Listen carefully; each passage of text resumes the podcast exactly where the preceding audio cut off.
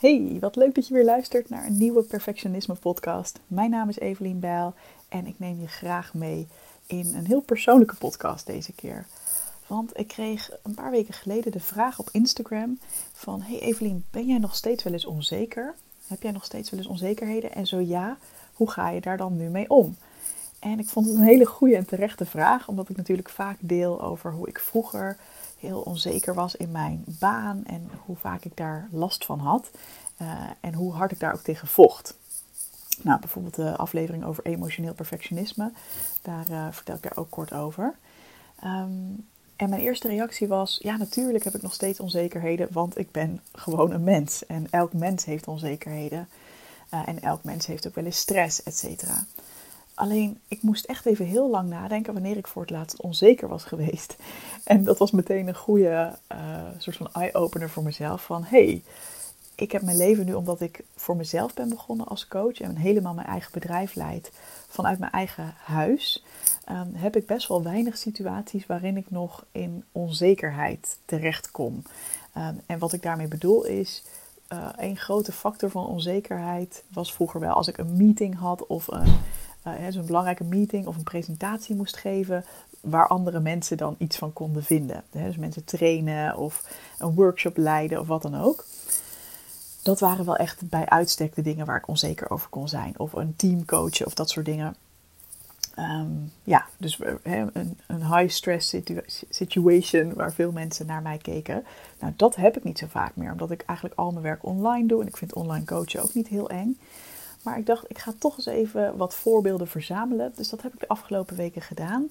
En ik heb eigenlijk drie voorbeelden um, verzameld van ja, die echt ongeveer de afgelopen week nog uh, lang zijn gekomen. En ik wil je aan de hand daarvan meenemen hoe dat dan nu voor mij gaat. Nou, de meest recente, het meest recente voorbeeld dat ik voor je heb is dat ik samen met een vriend van mij een um, een soort van online workshop heb gegeven over solliciteren. Vraag me er alsjeblieft niet naar de opnames, want um, die zijn gewoon helaas, die zijn er niet meer. Oké, even heel eerlijk. Ik vond het namelijk heel tof om te doen, maar ik, heb, ik voelde ook van dit is niet helemaal de kant die ik op wil gaan. Dus ik heb voor mezelf de beslissing genomen van, nou, zoals ik er in ieder geval nu in sta, was dat een hele toffe, uh, eenmalige actie. En ik ga weer veel meer mijn eigen pad op qua perfectionisme misschien dat er hier ooit wel verandering in komt. En hè, dat zou kunnen, maar... Dus nou ja, in ieder geval, ik gaf die workshop. Het was hartstikke leuk. Er was verder het was niet iets vervelends gebeurd of zo. Um, en een vriend van mij, die recruiter is, die had aangeboden om achteraf feedback te geven. Dus ik heb hem de opname toegestuurd, gewoon omdat ik denk, ja, je kunt er altijd van leren. En vanochtend kreeg ik zijn mailtje in mijn mailbox. En daarin benoemde hij dat uh, hij vond heel veel dingen goed, maar natuurlijk scrollde ik meteen door naar het punt van de tips die hij had. En een van zijn tips was: uh, Ja, Evelien, je coachte wel erg assertief. Want ik had in, uh, bij deze persoon het idee dat ze nog wel wat meer wilde vertellen, maar dat jij eigenlijk vrij snel al met jouw advies kwam. En ik snapte dat ook, want je wilde ook door vanwege de tijd. Maar nou ja, dat viel me wel op. En daar, daar had hij nog een paar dingen over geschreven. En ja, mijn gevoel was daar wel, ja, dat deed dan toch een beetje pijn, weet je wel. Het zit toch een beetje in mijn buik, zat er een beetje een knagend gevoel. En ik dacht in eerste instantie van, ja, nou ja, ik herken het ook wel. Ik ben ook gewoon wel wat ongeduldig soms. Um, ik zat inderdaad in die training ook wel dat ik voelde van, we wilden het in een uur houden. En dan is het best wel ja, schipperen tussen zoveel mogelijk tips willen geven, maar ook mensen aan het woord willen laten, uh, daar weer goed op ingaan. Dus ja, mijn patroon is gewoon als ik onder tijdsdruk kom te staan, dan wil ik door. En dan ga ik een beetje kort door de bocht, zeg maar. Dus um, in eerste instantie voelde ik ook van, ja, nou ja, dat is ook zo. Dus ik had er ook op gereageerd van, hé, hey, hartstikke goed punt. Ik denk dat dat ook helemaal klopt. En uh, ja, dit is ook gewoon iets wat ik van mezelf herken. Want ik probeer normaal gesproken ook in mijn coaching uh, met goed genoeg deelnemers juist mensen heel erg de ruimte te geven om hun verhaal af te maken. Uh, dat was hier dus niet helemaal gelukt. En het zat me toch nog niet helemaal lekker. Ik merkte gewoon dat er in mijn buik een soort van gevoel komt van... Ah, dat heb ik niet helemaal goed gedaan. Of ah, ik heb die persoon niet helemaal recht gedaan die ik op dat moment ja, coachte, zeg maar, of advies gaf. Maar het voordeel was dat ik dus nog de opnames had. Dus ik heb het gewoon even dat stukje erbij gepakt. En in plaats van dat ik in een soort van shame spiral terecht kwam. Dat ik, want dat kan dan echt bij mij een hele dag duren, zo'n gevoel. Ehm, of dat kon het zeker vroeger. Dus in plaats van dat ik helemaal die spiraal in ben gegaan, dacht ik, ik pak gewoon even de beelden erbij. En ik ga eens terugkijken hoe erg het nou echt is. En ik moet zeggen, toen ik het terugkeek, ik zag, de, ik, ik zag wat hij bedoelde. En ik snapte wat hij bedoelde, dat ik misschien nog iets meer uh, ruimte had kunnen geven aan die deelnemer. Dus dat ik iets meer een checkvraag had kunnen stellen van, hey, uh, wat vind je van dit advies? Of heb je hier wat aan? Maar ik zag ook dat ik al, ja, ik gaf al wel ruimte en ik was wel bemoedigend. En ja, dus het, was echt niet dramatisch. Het was niet dat wij gewoon haar super kort af uh, en super bot in de reden vielen of iets dergelijks. Dus, dat, uh, dus het viel me eigenlijk wel weer mee. Dus ik dacht, ja, het is een goed aandachtspunt. Um, maar het is ook weer niet dat ik een vreselijk mens ben nu. Want dat is wat er kan gebeuren. Hè? Als je onzekerheden hebt, of als je kritiek krijgt of wat dan ook. Dan kan wat ik noem jouw kritische rechter het helemaal overnemen. En die maakt er een heel dramatisch verhaal van. Van hoe slecht je wel niet bent dat je dat gedaan hebt. Nou, nou weet ik dat dit misschien niet een tip, tip is die jij één op één kunt overnemen. In de zin van, jij zult niet elk gesprek dat jij doet opnemen. maar je zou wel um, hieruit kunnen meenemen van check even hoe het echt ging. Dus in dit geval had ik bijvoorbeeld ook Werner even kunnen bellen, want hij schreef ook onderaan zijn mail. Werner is die vriend van mij trouwens. Um, ik had hem ook even kunnen bellen en kunnen zeggen: Oh ja, wat zag je dan precies gebeuren? En uh, ik had ook zijn mail bijvoorbeeld nog een keer goed kunnen lezen, want ik dacht dat hij wel drie keer een punt maakte over ditzelfde onderwerp. Maar bleek dat punt 2 eigenlijk was juist een, een, compliment aan mij. Dat had ik eigenlijk overheen gelezen. Ik dacht eigenlijk dat hij daarmee ook bedoelde dat ik dat niet goed gedaan had. Dus um, eigenlijk hoe je dit zelf kan toepassen is meer tijd nemen voor jezelf om te kijken wat is hier echt gebeurd. En dat kun je doen door te checken met de ander, door zelf nog even zorgvuldig terug te halen wat er gebeurd is. Misschien met een ander, iemand die aanwezig was, is te checken van hé, hey, dit is de feedback die ik kreeg van persoon A. Hoe zag jij het? En niet uh, om een soort van bevestiging te zoeken van oh, ik ben toch wel goed, maar meer om een soort van ja, wat reëler, neutraler en genuanceerder beeld te krijgen. Want dat is vaak wat er bij perfectionisten gebeurt. Als wij één punt van feedback krijgen, dan maken we het heel groot, dan blazen we het helemaal op. en dan kan dat helemaal onze stemming overschaduwen. Terwijl eigenlijk wat er stond in die mail is: hey, wat een superleuke training. Um, en dit was een tip voor de volgende keer, weet je wel, waar ik ook naar gevraagd had, notabene. Dus dat, uh, dat was een heel, uh, is een super actueel voorbeeld. En ik merk ook, nadat ik het terug heb gekeken, nou, zit het me eigenlijk helemaal niet meer dwars. En denk ik gewoon, oh ja, ja, goed punt. En ben ik er vooral over na gaan denken van, ja, hoe komt het nou eigenlijk? Ja, inderdaad, omdat ik graag heel veel waarde wilde bieden in korte tijd. Uh, en niet andere mensen wilde ophouden. Nou ja, dat is dan misschien even iets te snel gegaan, maar nou ja, goed om te weten en goed als reminder voor een volgende keer. Niet dat ik dus dit nog een keer ga doen, maar hè, voor vergelijkbare situaties. Alright, mijn tweede is super persoonlijk. Mijn tweede voorbeeld over een onzekerheid van de afgelopen tijd is heel persoonlijk. Dat gaat namelijk over mijn relatie met Sander. En nou, ik heb er al wel eens iets over gedeeld op mijn Instagram stories, maar um, het is gewoon af en toe best pittig. En ik denk dat veel mensen dat zullen herkennen.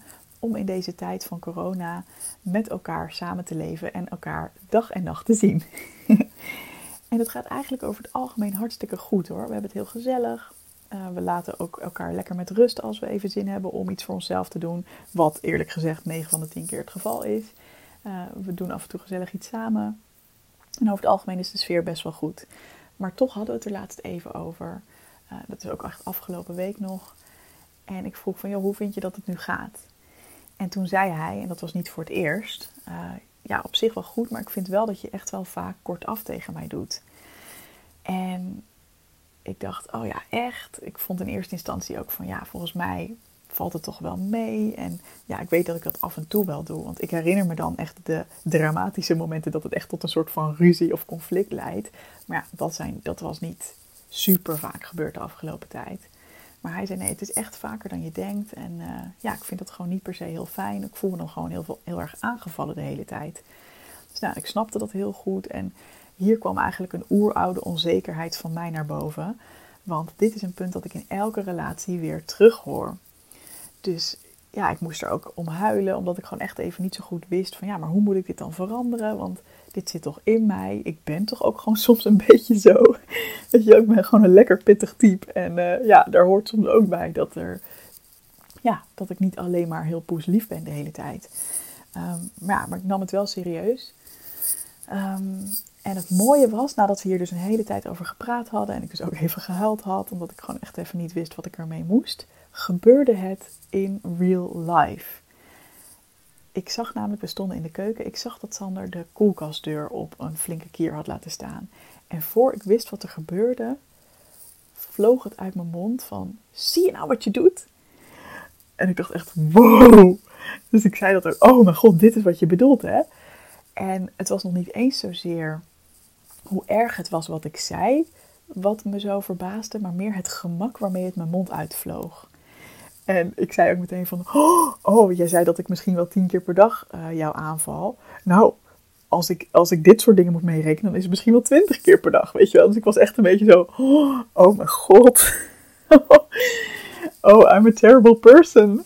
From, weet je, en niet de hele tijd, maar gewoon de afgelopen weken heb ik me inderdaad vaak zo gevoeld dat ik dacht, en het mooie was eigenlijk, ik kon het op dat moment zien.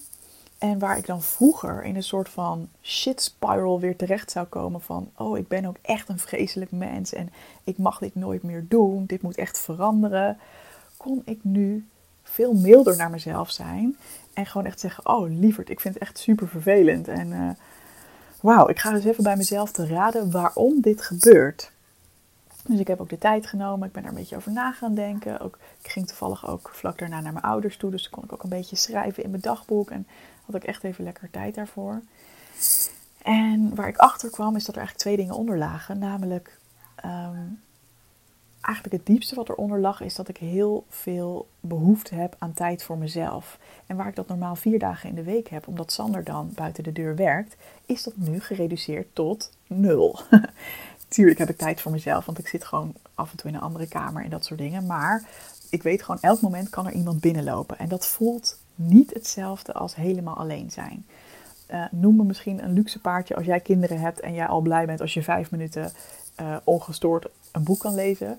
Um, hè, dus ik wil echt niet zeggen dat ik hier het slechtste. hoe zeg je dat? Ik mag eigenlijk echt niet klagen. Maar dit is wel mijn, een van mijn diepste behoeften om gewoon heel veel tijd te hebben voor mezelf. Ehm, en een ding dat er ook bij kwam kijken is dat ik het idee had dat ik dan regelmatig ook, als we in dezelfde kamer waren, dat ik dan opmerkingen kreeg over wat er beter kon in het huishouden. En daar ben ik ook een beetje allergisch voor. Omdat ik dan heel snel hoor, je doet het niet goed. Terwijl dat totaal niet is wat hij bedoelt. Hij bedoelt gewoon, hey, kunnen we dit voortaan zo en zo aanpakken? Weet je, het gaat echt over de lulligste dingen van hoe we het glas naar de glasbak moeten doen. En weet je, het zijn echt de, die dingen waarvan je denkt, zo niet nodig om er daar je heel rot over te voelen. Maar ja, ik heb gewoon bij elke opmerking. Uh, ja, dat, en dat, dat bouwde dus ook een beetje op. Bij elke opmerking voelde ik de irritatie toenemen van. Oh, doe ik het allemaal weer niet goed? Ik kan niet gewoon even lekker zitten en mijn eigen ding doen zonder voor mijn gevoel veroordeeld te worden. Oh, nogmaals, absoluut niet echt waar, maar dat is hoe het voelde. En als je dan ook minder tijd voor jezelf hebt, heb je ook minder tijd om daar even van bij te komen. En heb je minder die buffer om daarna weer gewoon dingen te kunnen opvangen die niet per se vervelend bedoeld zijn door je partner. Nou, dat was wat er bij mij aan de hand was. En ik vond het eigenlijk zo mooi dat gewoon in het moment dat wij dit bespraken, dit gebeurde. Want daardoor zag ik gewoon mijn eigen patroon, mijn eigen gedrag. En dat was voor mij dus een katalysator om te gaan nadenken over wat zit eronder en wat heb ik eigenlijk nodig. Dus dat is denk ik ook een hele mooie tip om wanneer jij onzekerheden voelt of wanneer je denkt, oeh, ik doe dit bijvoorbeeld in mijn relatie niet helemaal zoals ik zou willen. Maar het kan natuurlijk ook op een ander gebied zijn. Om dan vooral te denken, hé, hey, ik, ik gedraag me hier op een manier waar ik niet per se heel blij mee ben. In plaats van dat ik nu boos word op mezelf dat ik dat doe. En in plaats van nu tegen mezelf te zeggen, dat mag je nooit meer doen, want dan ben je een slechte partner of werknemer of vriendin of wat dan ook. In plaats daarvan kun je gaan kijken naar wat zit er eigenlijk onder. En echt de oorzaak te pakken krijgen van waarom je je zo gedraagt. En ik merkte alleen al door dit dus te bespreken en door ook aan te geven van hé, hey, iets meer tijd voor mezelf zou ik heel fijn vinden, voel ik ook al wat meer ruimte. En ook door uit te spreken van hé, hey, ik heb het idee dat ik gewoon best wel vaak opmerkingen over het huishouden krijg. Ja, daardoor kon ik dat ook aan Sander aangeven, waardoor hij ook daar rekening mee kan houden. Ehm, maar eigenlijk alleen al benoemen en erachter komen van ja, maar hij bedoelt dat helemaal niet zo. Dat hielp ook al. Dat geeft zoveel lucht. Dus dit is ook echt uh, ja, een onzekerheid voor mij in de afgelopen tijd. Waar ik dus best wel veel aan heb gehad eigenlijk. en mijn laatste, en dat is meer een soort van doorlopende onzekerheid die af en toe weer oppopt, gaat over geld en over inkomen. En dat is eigenlijk sinds ik voor mezelf zou gaan beginnen een thema dat af en toe omhoog popt. En ik denk dat dat voor veel ondernemers en startende ondernemers zeker uh, zal gelden. En ook hierin gaat het eigenlijk hartstikke goed. Ik mag echt absoluut niet klagen. Uh, ik verdien een stuk minder dan ik in loondienst verdiende, maar ik vind mijn werk en mijn leven echt twintig keer leuker. Dus ik heb daar echt op geen enkele manier uh, spijt van. Maar het is toch met een eigen bedrijf hebben, uh, is het toch elke keer weer, oh, hoeveel heb ik uitgegeven? Komt het allemaal wel goed? Uh, gaat er weer genoeg binnenkomen deze maand? Um, en nou moet ik eerlijk zeggen, ik heb het niet per se op zo'n maandbasis, want ja, ik heb voldoende potjes om het wel even uit te zingen, maar wel zo'n zo'n onderliggend gevoel van, oei, weet je, gaat dit me echt lukken, ook op de lange termijn? Ik denk dat dat helemaal niet per se gek is. Maar hoe ik dit bijvoorbeeld merk is uh, wanneer ik twee keer in de maand mijn financiën doe. Dat doe ik via de Profit First methode. Nou, mocht je ondernemer zijn, dan is het heel interessant om daar naar te kijken. Het gaat eigenlijk over dat je je geld in potjes verdeelt. Zodat je bijvoorbeeld al genoeg hebt gespaard voor de belastingdienst en dat soort zaken. Dus dat je gewoon een beetje weet van welk geld kan ik echt uitgeven en welk geld moet ik nog bewaren. Want dat komt later nog uh, terug in de belasting bijvoorbeeld, maar ook in andere potjes. Uh, en wat ik dus de laatste tijd af en toe merk, en dat is ook wel eens eerder geweest, is dat ik dan een beetje opzie tegen dat moment om er naar te gaan kijken.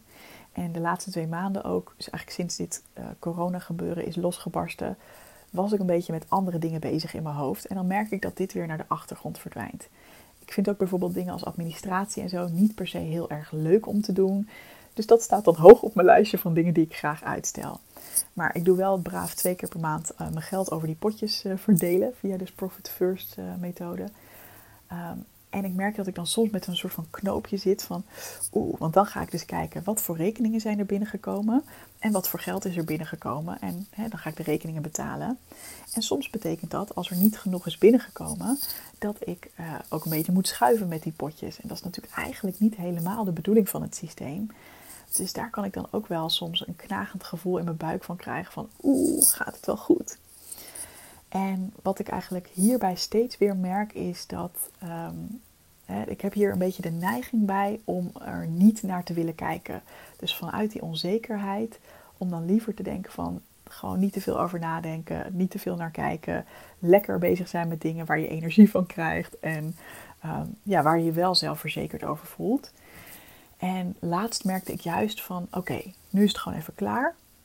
Afgelopen weekend heb ik gewoon uh, alles op een rijtje gezet van de afgelopen twee maanden. Wat is er precies ingekomen? Wat is er uitgegaan? Hoe staat het er nu voor? En ja, natuurlijk kunnen er dan onaangename verrassingen bovenkomen. Maar het, wanneer ik dat eenmaal gedaan heb, denk ik, oh, Oh, wat een opluchting. Nu weet ik tenminste hoe ik ervoor sta. Nu weet ik ook wat is er nodig voor mij. Wat, welke stappen kan ik nu gaan zetten om hiermee om te gaan. Um, en dit, dit is dus eigenlijk heel vergelijkbaar met wat ik net deelde over die relatie. Ook al voelt het heel anders. Het is een heel ander soort voorbeeld met een hele andere emotie erbij. Maar ook hier gaat het dus om jezelf even de tijd geven om wat dieper te graven en, en door te kijken naar hoe zit het echt. Hoe sta ik er echt voor? En dingen op een rijtje te zetten. Dus neem die tijd. Als jij ergens een onzekerheid over hebt, de neiging die we vaak hebben is ervan weg te bewegen, want het voelt oncomfortabel. Maar jij wordt echt de ster van je eigen leven als jij comfortabel kan leren zijn met oncomfortabel zijn. Dus als jij juist wel durft aan te kijken wat jou dwars zit en waar je je misschien zorgen om maakt. Alright, dit was de podcast voor deze keer. Ik hoop dat je het onwijs leuk vindt. Ehm, ik hoop dat je het leuk vond, zou ik zeggen. En wat ik heel tof zou vinden is als jij deze podcast luistert op een, uh, bijvoorbeeld op Spotify of op een andere podcast app zoals Apple Podcasts. Om je dan te abonneren en de podcast 5 sterren te geven. Als jij er natuurlijk uh, zo over denkt. Uh, en een korte review achter te laten van waarom je graag luistert. Want op die manier kunnen namelijk andere mensen deze podcast ook goed terugvinden. Nou, ik ben heel benieuwd of je hier wat aan gehad hebt. Is er een onzekerheid tussen waarvan je denkt, ja, die herken ik? Laat het me even weten op Instagram onder de post van deze week. En uh, ja, superleuk als je het met me deelt. Heel veel liefs en graag tot de volgende podcast. Hey, vond je deze podcast te gek? Check dan zeker even mijn online programma Goed Genoeg, speciaal voor perfectionisten. Want heel eerlijk, in je eentje kun je ook een heel eind komen met het loslaten van je perfectionisme. Maar als je meedoet aan dit programma, heb je alle tools in handen om veel sneller deze ontwikkeling door te maken. Ga naar doelgerichtecoaching.nl/slash goed genoeg en wie weet zie ik je binnenkort.